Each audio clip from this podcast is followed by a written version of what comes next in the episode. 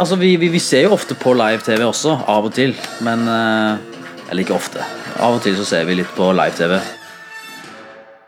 I bofellesskapet til Robert Adams kjører han og de andre som bor der, stort sett hva de vil, når de vil. Direktesendt TV er en sjeldenhet der. For den store TV-en på stua er ikke tilknytta ei antenne, kabel eller parabol, som i gamle dager. Det er nok med en Apple TV og internett. Det er liksom veldig tilpassa for, for vår del. Da. Å kunne streame. og Skam f.eks. har jo sett på nett. og nei, altså Streamingtjeneste er det eneste vi, vi, vi trenger. Mange av oss ser etter hvert TV på samme måten som dem som bor i bofellesskapet til Robert i Trondheim. Nye tall viser at det snart er flere av oss som ser underholdning og direktesendt video på denne måten, i forhold til dem som ser TV på den tradisjonelle måten. De tre siste årene har seertallene for lineær TV stupt, særlig blant dem som er under 40 år. Vil denne utviklinga bare fortsette i framtida? Er direktesendt TV på vei ut, og hva fører den raske omveltningen til? Du lytter til Kurer. Jeg heter Lars Erik Ertsgaard Ringen. Tor Aksel Ødegård, som jobber i mediebyrået IUM, har tittelen innsiktsrådgiver. Det betyr at han har som jobb å følge med på det raskt skiftende TV-markedet, og gi dem som ønsker å reklamere for sine varer, råd om hvordan de skal få mest igjen for pengene sine. Eksperten trenger ikke gå langt for å se hvordan ting har forandra seg. Jeg gikk over til, eller vi i vår husholdning gikk over til uh, en smart-TV for nå fire år siden, vel, tre og et halvt år siden. Da det var, eh, vi hadde avtale med eh, Get både på mottak av bredbånd og på TV-distribusjon. Jeg ønsket å si opp TV-distribusjon, legge alle pengene på det råeste bredbåndet jeg kunne få. Så jeg er veldig veldig fornøyd med det. Så vi ser på TV når vi vil se på det vi vil se på. F.eks. nyhetene fra NRK. Kan det hende at jeg setter meg ned klokka ti på kvelden og ser på da NRK Dagsrevyen, som da egentlig gikk eh, klokken 19. Fordi jeg ikke var ledig klokken 19. Rådgiverjobben til Tor Aksel Ødegård gjør at han er en av dem som kanskje kjenner TV-bransjen i Norge best fra utsida. Ødegård bekrefter at vi nå står midt oppi en liten medierevolusjon som starta i 2015. TV og det vi kaller for lineær-TV, altså seing på TV-kanalen når det blir kringkastet av kringkasterne, er under press og under endring. Fordi det er så innmari mange andre måter å se TV på enn akkurat når det blir, eh, blir sendt. Da. Så lineær TV-seing den går eh, drastisk ned, og begynner som alltid når det gjelder medieendringer med de yngre, yngre voksne, og så sprer det seg oppover i alder. og der er det nesten en revolusjon som eh, pågår nå, har pågått nå i deles 2015 og 2016. Og 2017 da, selvfølgelig. Ja, hvordan er fordelinga nå i siste halvdel av 2017? Det vi har sett, da, Jeg har eh, nettopp fått noen tall fra Kantar eh, TNS, en undersøkelse som de kaller for eh, Interbuss. og Der er det jo f.eks. Altså, ja, 40-45% som ser på TV-programmer, spillefilmer eller lignende gjennom PC eller nettbrett eller mobilen sin, eller et TV-apparat koblet opp mot internett, altså såkalt smart-TV, i løpet av en uke. Altså 40-45% Og det er ganske mye. Om utviklinga fortsetter, vil altså flertallet av oss i løpet av noen måneder se TV på den nye, moderne måten. Noen snakker om en krise i TV-bransjen. Tor Aksel Ødegård mener at eh, det ordet kanskje bare kan brukes på ett område.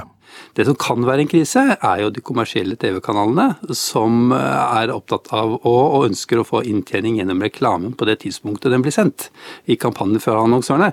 Og når den da faller, eh, og TV-seingen foregår på et tidspunkt som de ikke har samme kontroll på, så kan det være vanskelig for en sånn forretningsmessig modell. Men andel seere på programmet og sånn, skal man ikke være redd for. TV-seingen, eller altså det å se på levende bilder, da, for å kalle det det mer enn TV, det har alltid vært stått sterkt, og det vil det fortsatt gjøre fremover. Så sånn sett er det ingen krise. De synkende seertallene hos de tradisjonelle, reklamefinansierte TV-kanalene fører til fallende inntekter. Flere TV-selskap, bl.a. TV 2, har måttet gjennomføre dramatiske nedskjæringer pga. de fallende inntektene. Men du tenker kanskje at du ikke skjør mindre reklame på TV. Hvordan kan det ha seg at selskapene tjener mindre penger? Innsiktsrådgiver Tor Aksel Ødegård forklarer at de synkende seertallene fører til at TV-selskapene må sende flere reklamer enn før for å innfri kravene til annonsørene. Men inntektene er de samme som før. TV-reklamen faller altså i verdi. Vi sier ikke at vi skal ha en visning som skal vises f.eks. 30 ganger. Eh, vi kjøper hvor mange bruttokontakter vi skal ha. Det betyr at en reklamefilm for en annonsør blir liggende på til når det tallet. Så blir det slik at reklamefilmen må ligge på lenger til å nå det antall bruttokontakter annonsøren har kjøpt. Eh, da må den vises flere ganger til å nå opp i det, for det kommer da stadig noen nye til etter hvert. ikke sant? Som igjen gjør at de da eh, har masse reklame, fullt hele tiden, men det ligger over en lengre periode for å nå det antall eh, man skal se. og Da får de mindre penger inn på en samme tidsrom for løpet av en uke eller løpet av en måned. Fordi den ligger over lengre tid, for det tar lengre tid å nå opp i det brutto antall kontakter man skal ha. TV 2 Sumo. Hvor skal? Alt dette og mye mer får du på dplay.no. Det blir et legendarisk smooth. Hjemme er jo der Viaplay er. Sport, film og Alle de store TV-kanalene i Norge har nå nettbaserte streametjenester som gir mulighet til å se eh, hva du vil, når du vil. Ødegård forklarer at utfordringen med de her tjenestene er at annonsørene enda ikke har blitt trygge nok på at det her er en effektiv annonseplattform. Her er det foreløpig veldig lite dokumentasjon på hvor god gjennomslagskraft disse har. så Der er det en del ting som må falle på plass. og Når man er usikre på dette, så holder man seg fremdeles da til den tradisjonelle, eh, tradisjonelle kanalen og går på TV da man har produsert eh, eh, levende bilder som reklamedokumentasjon. Tor Aksel Ødegaard, som altså er innsiktsrådgiver, en ekspert på TV-markedet som gir annonsører råd, forteller at utviklingen fører til at utenlandsk drama og film taper terreng på norske kanaler, mens andre ting holder seg godt. En ting er spillefilmer og serier som er tidsuavhengig. Det andre er hendelsesnyheter når de skjer, herunder f.eks. da sport. Det er ikke morsomt å se Northug eller Bjørgen gå over mål tre dager etter at det har vært publisert i alle norske medier i forbindelse med en, et, et OL-gull. Det kommer til å foregå der og da, når det er gått. Det er ikke noe som man tar opp og ser på senere. Og så er det da andre nyheter. Det høyaktuelle som man må få med seg når ting, ting skjer. Det vil jo alltid eh, folk stemme til når det skjer, og altså på lineærseing. Tilbake i sofaen i Trondheim forteller Robert Adams mer om hvordan de skjører TV i bofellesskapet. Uh, altså Vi har en sånn Apple TV, og så har vi liksom fordelt litt på hvem som betaler for hva. Så vi, jeg vet ikke helt hvordan akkurat det fungerer. At Det er vel bare å laste ned appen, vil jeg tro. Men det er sånn vi ser på, i hvert fall. Så alt er streaming her? Altså Du har ikke gammeldags enten parabol eller kabel? No, vi er uh, ungdommelige, og teknologien er fantastisk, rett og slett.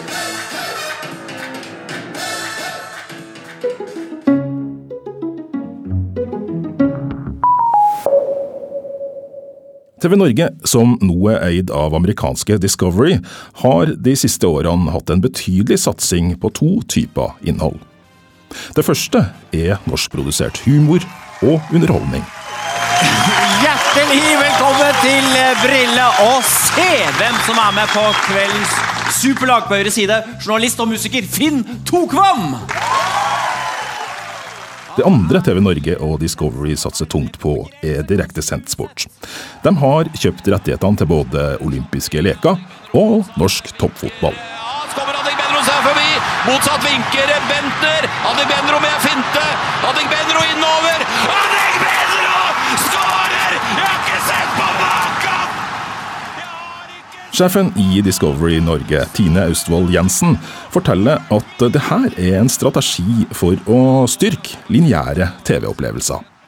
Satsinga vi har gjort rundt Eliteserien og også med, med å skulle vise OL nå, er jo helt bevisst. Eh, det er jo noe av det som sammen med godt norsk innhold, eller god, god norsk underholdning, noe av det som virkelig fremdeles samler folk rundt det vi kaller leirbålet det er vi avhengig av både for å forlenge levetida til lineær-TV, men også for å, å skaffe en, en, god posisjon eh, en god posisjon digitalt. Å være til stede digitalt. Og f.eks.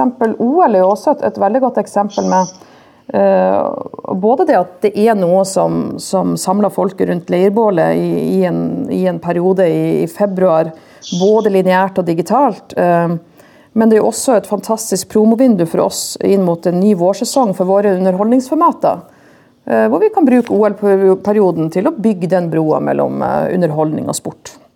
Lineære seertall er ikke alltid som de var før i TV-verdenen. For TV Norge sin del slo f.eks. en del aviser akkurat opp at Jon Almås sitt nye program Praktisk info har hatt en dramatisk nedgang i seertallene etter første episode. Discovery-sjef Tine Austvold Jensen forklarer at hun ikke lenger leser seertall, som hun gjorde før. Der vi ser at det er noen færre som ser programmene første gang vi viser dem på TV-skjermen, så ser vi at det er desto flere som velger å se programmene våre i reprise eller i opptak eller på andre skjermer. Sånn at Hvis du ser på det vi, vi kaller sjudagersseeringa, som gjerne ser hvor mange har sett på programmene våre, eller et gitt program i løpet av sju dager, eh, så ser vi eh, denne forflytninga som, som, går sakte fra lineær-TV og over til andre plattformer eller skjermer. da. Eh, på samme tid så ser vi jo det at det er stadig flere som ser på strømmetilbudene våre eh, og blir abonnenter av våre strømmetjenester. Vi har jo to tjenester, en som heter Dplay, en som heter Eurosport Player. Og De har økt eh, jevnt og trutt de siste årene, og Eurosport Player spesielt etter at vi fikk Eliteserien på plass. Vi hadde bl.a. i 2015 en playoff-kamp i fotball mellom Norge og Ungarn som satte en ny lineær serierekord hos oss. Eh, og det er bra med over million, litt over en million seere, som attpåtil slo Big Brother sin gamle rekord fra 2001. Og Da er det jo 14 år mellom de to punktene. Eh, så eh, lineær-TV går godt fortsatt, det. Discovery-sjefen tror bl.a. at det er vårt behov for å føle tilhørighet som fører til at lineær TV-titting klorer seg fast, tross alt. Eh, jeg tror det er et, iboende behov for, uh, hos folk om å, om å, samles rundt vårt leirbål, som lineær-TV i dag og alltid har vært. Og så tenker jeg at lineær-TV har fått, eh, som har stått i en del artikler, som jeg synes er et veldig bra uttrykk, så lineær-TV har fått mange babyer. Uh, man ser det på ulik tid på ulike skjermer i ulik form. Og eh, dette med denne leirbåropplevelsen, som, som vil si at per i dag er det kanskje fremdeles rundt den lineær-TV-en, så ser du fremdeles at det er i kjapp endring hvis du går inn i, i norske familier og, og, ser en familie med voksne og barn som samles en fredagskveld i, i sofaen i stua. Noen ser på lineær-TV-en, og noen ser på iPaden sin, og noen ser på det levende bildet på, på mobilen sin. Og sammen så har de i en fragmentert verden en fellesopplevelse der og da i stua si. Men situasjonen for kommersiell TV i Norge er likevel at deres tradisjonelle inntektskilde, reklamesendt på lineær TV, svekkes kraftig. Når folk går over til å se TV-program på internett, er det ofte på tjenester med lite eller ingen reklame, hvor man betaler for å få tilgang. Tine Austvold Jensen forteller hva Discovery tenker om det her. Det er brukere som ønsker å betale for å slippe å se reklame. Og det er jo sånn uh, mesteparten av strømmemarkedet i Norge fungerer i dag. De fleste selger abonnementer for at du skal få lov til å se innholdet mer eller mindre reklamefritt. Uh, og så er Det jo som så at det er også veldig mange brukere som godt kunne tenkt seg å få se innholdet og er villige til å se det med reklame. Uh, det vil si at de kanskje ikke er så veldig betalingsvillige for å få se det uten, men, men vil veldig gjerne se det med, med reklame. Og Der er det jo et tilbud ute på Viafree nå, Eh, hos en av de konkurrerende TV-husene. Og så er jo det et av de områdene som vi ser inn i for tida fremover. Robert Adams er en av de av oss som foretrekker å se TV gjennom abonnementstjenester med lite eller ingen reklame. Nå har han logga seg på TV 2s tjeneste Sumo for å se Modern Family. Eh, jeg er veldig glad i humorserier, sånn som Modern Family, The Office er jeg kanskje mest glad i. Det er yndlingsserien min noensinne. Men jeg liker det meste, altså. Um, jeg har blitt litt glad i dokumentarer. Litt sånn NRK-dokumentarer og sånn. Uh, og Game of Thrones, selvfølgelig. Jeg er jo en sånn uh, klassisk fan. Jeg skal ikke legge skjul på det. Ikke være sånn hipster sånn, som ikke liker sånt. Jeg liker det også. Ja, det er andre som bor her, da? De er litt mer sånn fotballfolk. I hvert fall to av de. Så det blir ofte sånne der fotballkvelder på lørdager og sånt. Og da kan det hende jeg blir med. Ofte ikke, men uh, altså hvis det blir sånn svær gjeng, så, så, føler jeg i hvert fall for det sosiale så er det greit å være med på det.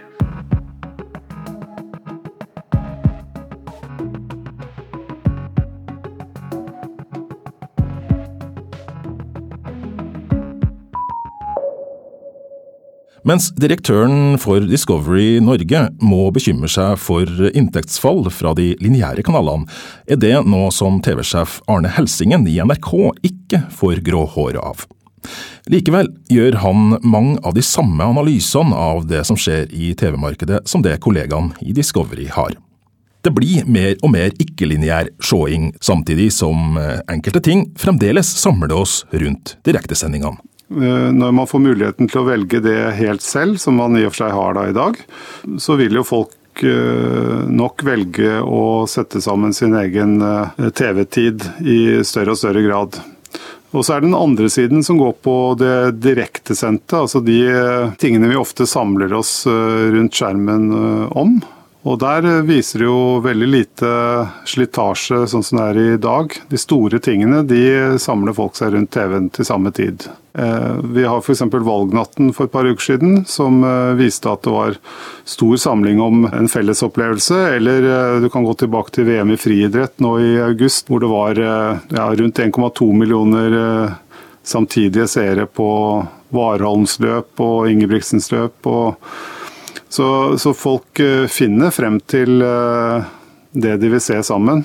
Og det er nettopp de direkte opplevelsene som både innen sport valg, eh, Eurovision Song Contest eh, og sånne ting, hvor, eh, hvor det står sterkt fremdeles. Streametjenester som YouTube, HBO Nordic, Netflix og Amazon Prime har gjort oss vant med å se hva vi vil når vi vil se det. TV-sjef Arne Helsingen forteller at det fører til at det blir mindre av enkelte ting på NRKs direktesendte Flata. Ja, Det helt typiske sjangeren er jo drama. Eh, det så vi allerede for eh, ganske mange år siden, sånn 2010, at, eh, at folk begynte å se etter muligheter for å se på film uavhengig av kanalprogramsetting.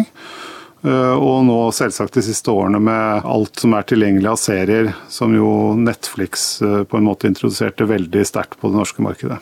En annen ting som Arne Helsingen legger merke til, er at den nye mediehverdagen gjør oss langt mer kvalitetsbevisst nå enn før. Det stiller større krav til eh, innholdet. Det som før ble sett eh, litt om du ville eller ikke i en lineær strøm, det er nå opp til enhver å velge. Og det vil si at Når folk skal velge selv, så, så må de bli frista av det innholdet som blir presentert. Eh, og Det stiller krav til at vi har eh, innhold som kan måle seg med det tilbudet de får fra også den store verden. Og Det er en utfordring, fordi eh, ofte så har vi jo langt lavere budsjetter enn de, har i, i, enn de som produserer for hele verden har. Det som er Fordelen er at vi har jo en lokaltilknytning til Norge, og vi, vi kjenner jo bedre til hva som er relevant for folk. Men Fører det til at NRK kjøper mindre utenlandsk drama? Det gjør det nok. Altså på dramasiden så det, kommer det til å gå nedover. Allerede, vi har allerede merket en ganske stor konkurranseendring der. Nå er NRK en allmennkringkaster som ikke er reklamefinansiert. Hvordan tror du de selskapene dere konkurrerer med i det norske markedet som er reklamefinansiert, opplever det her i forhold til hverdagen for dere?